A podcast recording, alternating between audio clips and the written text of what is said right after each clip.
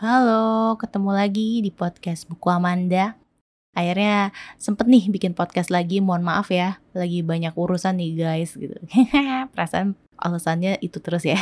Hari ini gue mau review salah satu buku non-fiksi menarik yang sebenarnya udah gue baca dari berbulan-bulan lalu, tapi gue baru sempet review sekarang. Judulnya tuh Cultish, The Language of Fanaticism, yang ditulis oleh Amanda Montel. Nih, bukan Amanda Bahraini ya, Amanda Montel. Tapi kalau gue yang nulis buku ini pasti gue bangga banget sih. nggak, nggak, beneran. Yang nulis adalah Amanda Montel. Buku The Cultish, The Language of Fanatism. Fanaticism? Fanatism? Fanatism. Ini membahas tentang sekte atau dalam bahasa Inggrisnya cult. Lagi-lagi kita ngambil topiknya yang agak tabu ya. Pertama-tama, gue kayaknya mau bahas dulu tentang kenapa gue membaca dan mereview buku ini gue nggak tahu ya dengan kalian tapi gue kayaknya udah beberapa kali denger stereotip dan kasus-kasus terkait sekte baik dari gosip-gosip atau dari berita televisi. Uh, oh si Anu sejak gabung grup A jadi suka maling nih, si Fulan sejak ikut-ikutan kelompok B jadi suka ngejauh dari lingkungannya, diajak ngomong suka bengong, suka pergi terus nggak pulang berhari-hari. Ada juga nasihat-nasihat jangan mau diajak untuk ikut-ikutan kumpul yang gak jelas sama orang baru di lingkungan baru, hati-hati diculik, hati-hati dihipnotis, dan lain sebagainya lah ya. Nah, hal yang paling parah yang pernah gue denger soal sekte ini ya dianggap menistakan atau membelokkan keyakinan, dianggap melanggar norma, dianggap merugikan diri dan lingkungan, misalnya jadi berbuat nggak senonoh atau mencuri, sampai beberapa kasus terkait sekte yang ekstrim yang pernah gue denger di Amerika dan Jepang adalah bunuh diri massal. Gue pernah nonton filmnya Elizabeth Olsen sebelum dia menjadi Scarlet Witch dan bergabung dengan Avengers ya.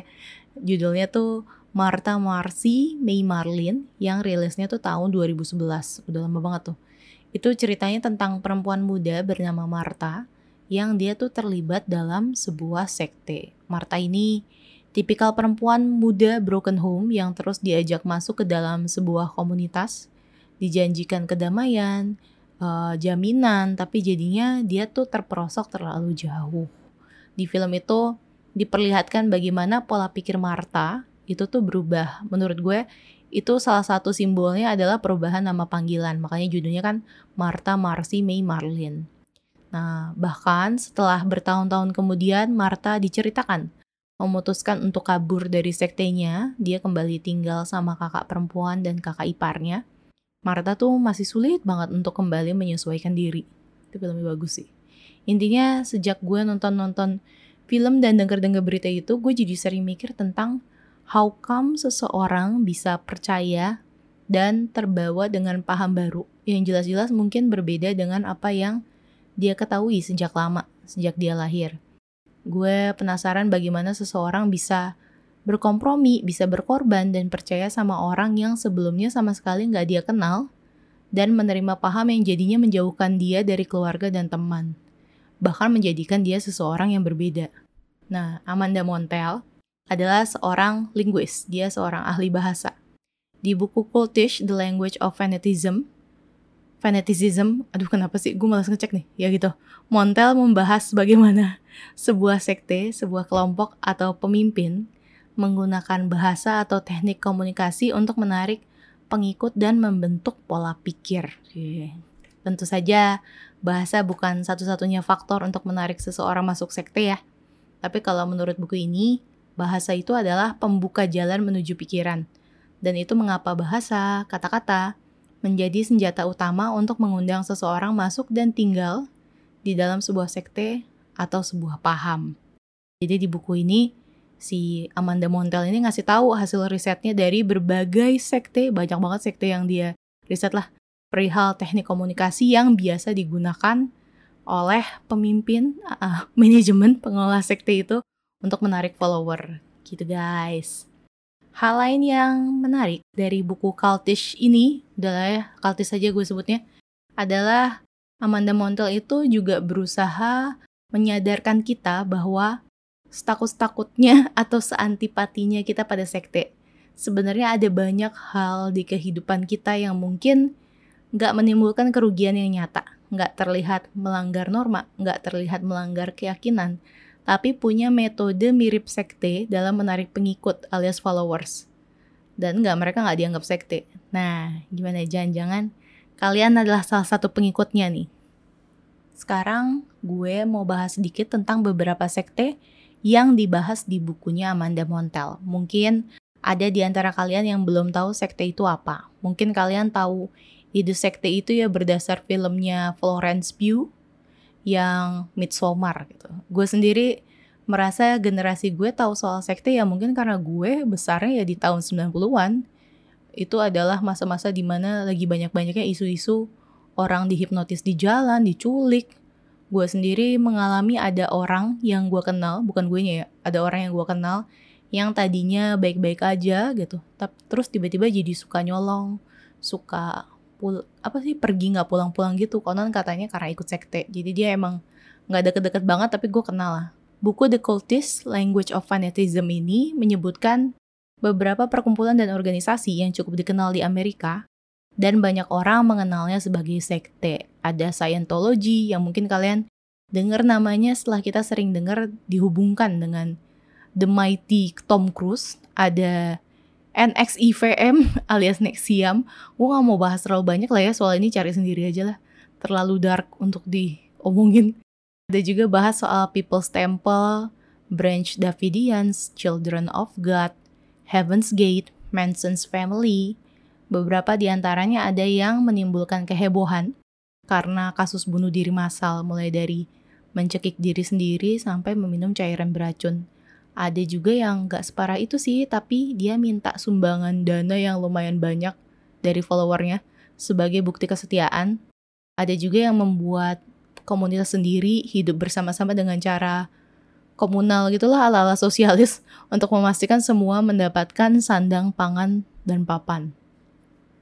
Nah, setelah Amanda melakukan riset yang cukup mendalam terhadap sekte-sekte yang disebutkan tadi, akhirnya Montel menemukan beberapa pola komunikasi yang diterapkan. Terus dari apa yang dia temukan, Amanda menyimpulkan tiga hal yang diterapkan sekte atau grup apa pun yang bertujuan buruk dan menipu itu. Biasanya pertama, mereka merahasiakan hal-hal yang perlu kita tahu.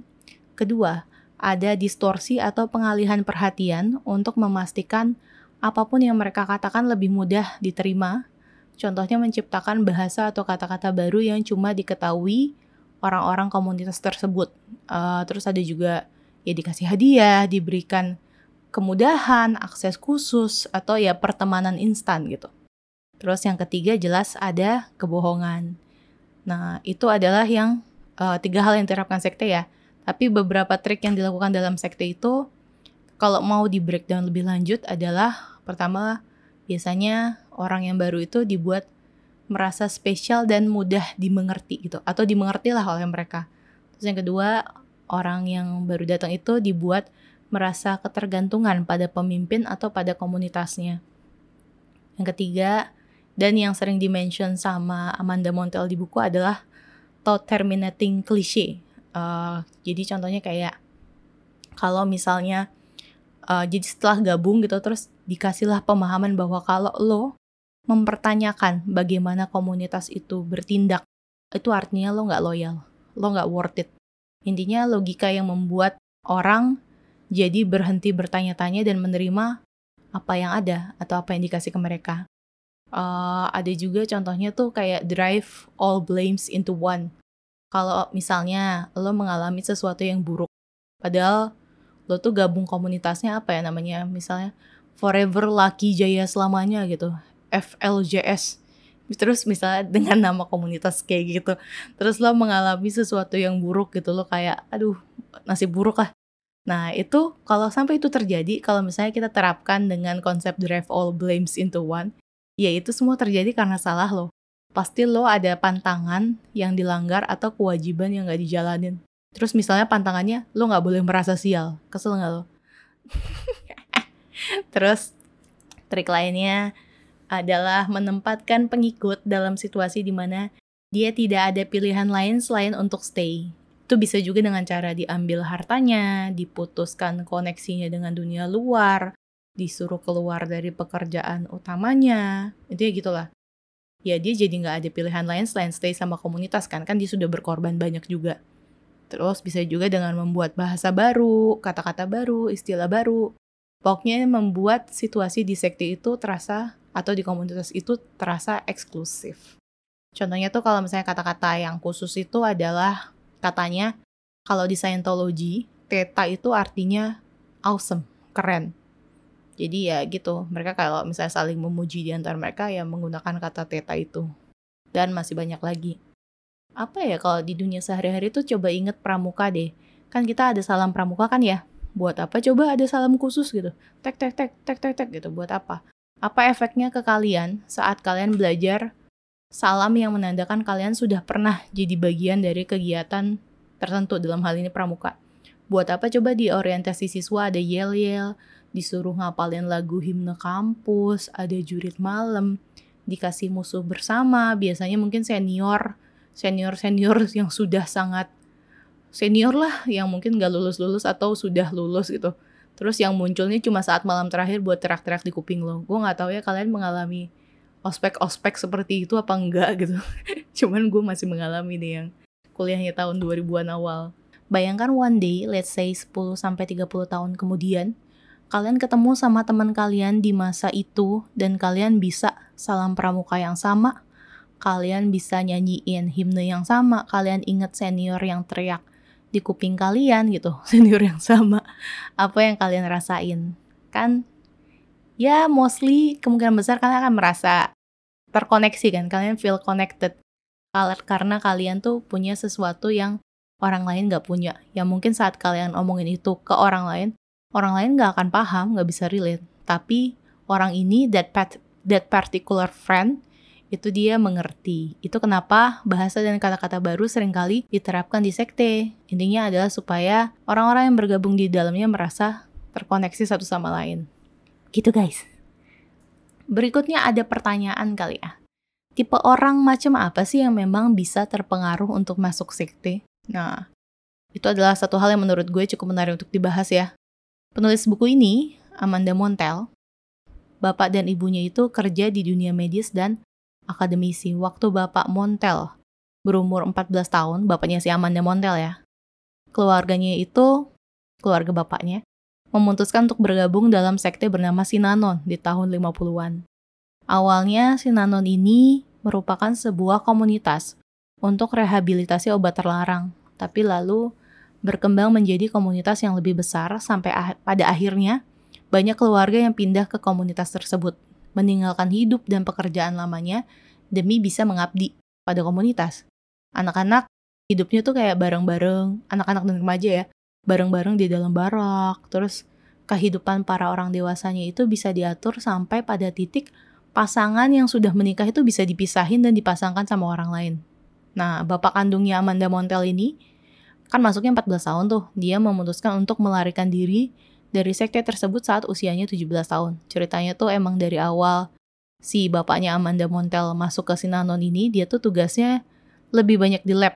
Sebenarnya fungsinya tuh lebih kayak ngecek kesehatan orang-orang di dalam komunitas sih kan mereka tidak bisa banyak interaksi dengan dunia luar juga ya nggak tahu nggak bisa nggak tahu nggak mau pokoknya tugasnya bapaknya ini adalah dia nge ngecekin kesehatan jadinya dia banyak berurusan dengan tes darah urin gitu tapi karena itu dia jadi tertarik sama sains nah bapaknya Montel uh, diperbolehkan lah sama anggota komunitasnya untuk belajar di luar komunitas karena mereka nggak punya ilmunya kan tapi dari situ bapaknya Montel jadi tahu dunia luar dan merasa lebih cocok di luar komunitas. Makanya akhirnya dia memutuskan di usia 17 tahun itu meninggalkan keluarga kandungnya yang tetap tinggal di Sinanon. Uh, dia keluar dari Sinanon, dia belajar serta ngejar karir sendiri sebagai neuroscientist. Sampai akhirnya dia menikah dan punya anak si Amanda Montel. Makanya dengan latar belakang keluarga seperti itu, uh, Amanda Montel bisa bilang bahwa keluarganya itu cukup skeptis. Ayah, ibu, sama dirinya, dia anak tunggal. Mungkin ya karena bapaknya pernah merasakan hidup di sekte gitu. Mungkin itu juga alasan kenapa Amanda Montel tertarik membahas sekte dan teknik komunikasi di dalamnya. Tapi saat dia mencoba melakukan riset untuk menjawab apakah benar orang yang lebih rentan terpengaruh untuk masuk sekte adalah orang yang datang dari keluarga broken home, apakah orang yang skeptis itu benar tidak mudah terpengaruh? Ternyata nggak juga. Amanda Montel menemukan bahwa banyak kok orang-orang yang gabung ke sekte itu datang dari keluarga yang bisa dibilang normal. Banyak yang merupakan orang berpendidikan tinggi. Kalaupun ada sebuah pola, Amanda justru meng-highlight hasil riset bahwa orang-orang yang gabung sekte justru adalah orang-orang yang sangat butuh, butuh banget merasa berguna untuk orang lain. Banyak yang datangnya tuh dari keluarga yang orang tuanya adalah aktivis, pendidik, dan kerja di pelayanan publik. Mereka dibesarkan untuk melihat semua orang itu baik, bahkan jika berarti mereka harus mengorbankan diri mereka sendiri. Ini berdasar dari bukunya Amanda Montel ya, tidak kita tidak men mengeneralisir bahwa semua orang yang begitu pasti gampang masuk sekte. Tapi ini kan berdasar temuannya Amanda Montel saja. Terus dari hasil riset tersebut, Amanda juga menyimpulkan bahwa orang-orang yang banyak terlibat dalam sekte adalah orang yang cenderung terlalu optimis. Jadi, selain membahas grup-grup dan organisasi yang memang dikategorikan sebagai sekte dengan konotasi negatif karena ya dianggap merugikan dan memakan korban. Amanda Montel ini juga membahas soal grup-grup, produk, layanan yang menggunakan teknik marketing tapi mirip sama cult, yeah, mirip sekte. Uh, Bikram Yoga yang dipopulerkan oleh Bikram Chudori di Amerika, Choduri, Chudori. Ada tuh dokumenternya di Netflix. Judulnya Bikram, Yogi Guru Predator gitu. Coba nonton deh. Kisahnya tuh tentang guru yogi, guru yoga, yang setelah bertahun-tahun dikenal sebagai sosok yang dihormati. One day ada salah satu pengikutnya yang mengaku dilecehkan dan ternyata bukan hanya dia saja yang mendapatkan pelecehan secara fisik maupun verbal maupun emosional dari Bikram. Bikram itu tuh menjadikan uh, ajaran yoganya itu trademark. Jadi kalau misalnya orang mau pakai uh, mau pakai nama bahwa mereka tuh menyelenggarakan sebuah kelas yoga, tapi alirannya Bikram Yoga. Untuk bisa dapat itu tuh Bikram mengharuskan orang tersebut untuk ikut pelatihan gitu. Padahal ya sesi yoganya si Bikram ini, terutama yang pelatihan untuk trainernya, itu terkenal sangat intens. Biasanya tuh dalam ruangan aula besar di hotel suhunya tinggi, penuh orang bisa ratusan gitu deh. Bisa sampai 9 jam, terus nggak boleh pakai baju hijau, karena Bikram gak suka. Pokoknya digeber abis-abisan, dibentak-bentak dengan kata-kata gak setonoh dan menghina. Terus yang paling aneh ya selama 9 jam itu mereka gak boleh keluar dari ruangan, gak boleh izin pipis. Kadang-kadang ada hinaan, lo gendut, kuku lo jelek, bayangin lo lagi yoga mencari zen, tapi dikatain. Gue triggered banget sih pas nonton, but some people apparently need that. Tapi murid-muridnya katanya merasakan manfaat dari yoga yang diajarkan sih yoga teacher trainingnya tuh katanya harganya 10 ribu dolar per orang di zaman lagi hype-hypenya di tahun 90-an. Latihannya itu 9 minggu. Di kelasnya yang super intens dan super penuh itu ada yang kena infeksi pernapasan, dehidrasi. Ada juga yang lain itu selain Bikram Yoga tuh ada yang dibahas di buku ada 3H, 3HO, Healthy, Happy, Holy Organization itu ngajarin kundalini yoga sama uh, ada beberapa metodenya yang dirasa menuntut lebih banyak komitmen. Terus ada CrossFit yang tagline-nya No Guts No Glory. Ada juga tuh sampai your riders should want to be you or fuck you. Ada juga Soul Cycle. Soul Cycle tuh katanya mereka tidak mencari fitness trainers untuk menjadi trainer. Mereka mencarinya tuh performers, dancers, actors, influencers. Karena mereka ya membuat Soul Cycle itu more than just a workout. It's a sanctuary gitu. Uh, itu tentang gym-gym ya. Kalau misalnya yang kosmetik ada Mary Kay Cosmetics, salah satu MLM yang terkenal dengan kata-katanya yaitu God First, Family Second, Mary Kay Third. Bahkan ada yang sampai punya program. Ini lucu banget sih. Mereka punya program Husband and Awareness Plan di mana para anggota tuh diajarin caranya belanja dalam jumlah besar tapi jangan sampai ketahuan suami. ya begitulah. Bahkan ada contoh perusahaan Amazon di mana para pegawainya itu katanya diminta untuk menghafalkan 511 kata dalam Leadership Principles yang dibuat oleh CEO-nya Jeff Bezos. Jadi banyak ya penerapan metode sekte dalam kehidupan sehari-hari di sekolah, di kantor, di gym, mungkin brand kosmetik, brand-brand yang kalian suka gitu. Nah, setelah mungkin mendengar semua sneak peek dari buku ini, kalian mungkin mulai berpikirlah harus gimana dong ya biar diri sendiri dan orang-orang tersayang gak sampai dipengaruhi orang sampai masuk ke hal-hal yang tidak diinginkan gitu. Kalau kata Mbak Amanda Montel, some say people who join cults are lost, but all human beings are lost to some degree. Jadi kita semua, ya kita semua tersesat gitu. Kita lahir tuh nggak langsung tahu hidup harus gimana. Pola asuh dan didik yang akan membentuk kita. Kalau kita pindah dari ke suatu tempat gitu setelah kita dewasa atau kita masuk ke situasi baru, akan ada hal-hal baru yang harus kita pelajari. Itu mengapa manusia akan ada momen di mana kita tuh nggak tahu harus ngapain. Akan ada momen di mana kita merasa rapuh, mungkin baru kehilangan pekerjaan, kehilangan orang tersayang, baru pindah kota baru, gagal akan sesuatu, atau mungkin baru dapat kepercayaan yang kita nggak tahu bisa kita emban atau enggak. Itu akan ada momen di mana kita nggak tahu siapa yang harus kita percaya. Nah, begitu pula orang-orang yang kita sayang, kita cuma bisa nyayang aja sih kita nggak bisa ngontrol hasil akhir dari hidup mereka itu atau cobaan yang mereka lewati itu akan gimana. Untuk mencoba mendefine apa yang kita dan lingkungan kita anggap normal pun nggak bisa dibilang efektif. Karena apa yang dianggap normal di satu tempat, di satu kota, di satu negara, belum tentu normal di tempat lain. Tapi manusia tuh dasarnya adalah butuh koneksi, butuh merasa diterima, dan itu adalah alasan yang cukup baik untuk kita mendefine apa yang mau kita adopsi jadi definisi normalnya kita. Atau ya kalau nggak bisa, sesimpel kita pindah cari tempat yang pas dan menerima kita. Nah, makanya cuma kita nih yang berhak dan paling tahu untuk define apa yang aman dan normal buat diri kita sendiri. Dan karena itu, menurut buku ini, yang pertama harus dijaga ya kepercayaan sama diri sendiri. Nilai-nilai apa yang ingin dijunjung, gimana membangun boundaries yang nyaman, dan gimana kita encourage orang-orang untuk bangun boundaries mereka sendiri dan berani untuk sharing kalau misal ada yang melanggar boundaries itu, jadi jangan disimpan sendirian juga. Misalnya, misal gue mau berteman sama orang lain, tapi kalau urusannya udah pinjem-pinjeman duit, gue udah gak nyaman. Apalagi kalau maksa dan dalam jumlah besar. Itu boleh, termasuk salah satu modus operandi yang diterapkan sekte kan, meminta followers untuk kontribusi dalam bentuk uang gitu. Contoh boundaries lainnya, gue gak mau berteman atau berada dalam lingkungan di mana gue dijanjiin sesuatu yang gak nyata dan gak bisa gue ukur, atau setiap gue mempertanyakan kebenaran kata-kata mereka, mereka menyuruh gue diam. Itu juga wajar. Termasuk salah satu metode sekte juga, mematikan hak untuk mendapat jawaban dari penjelasan.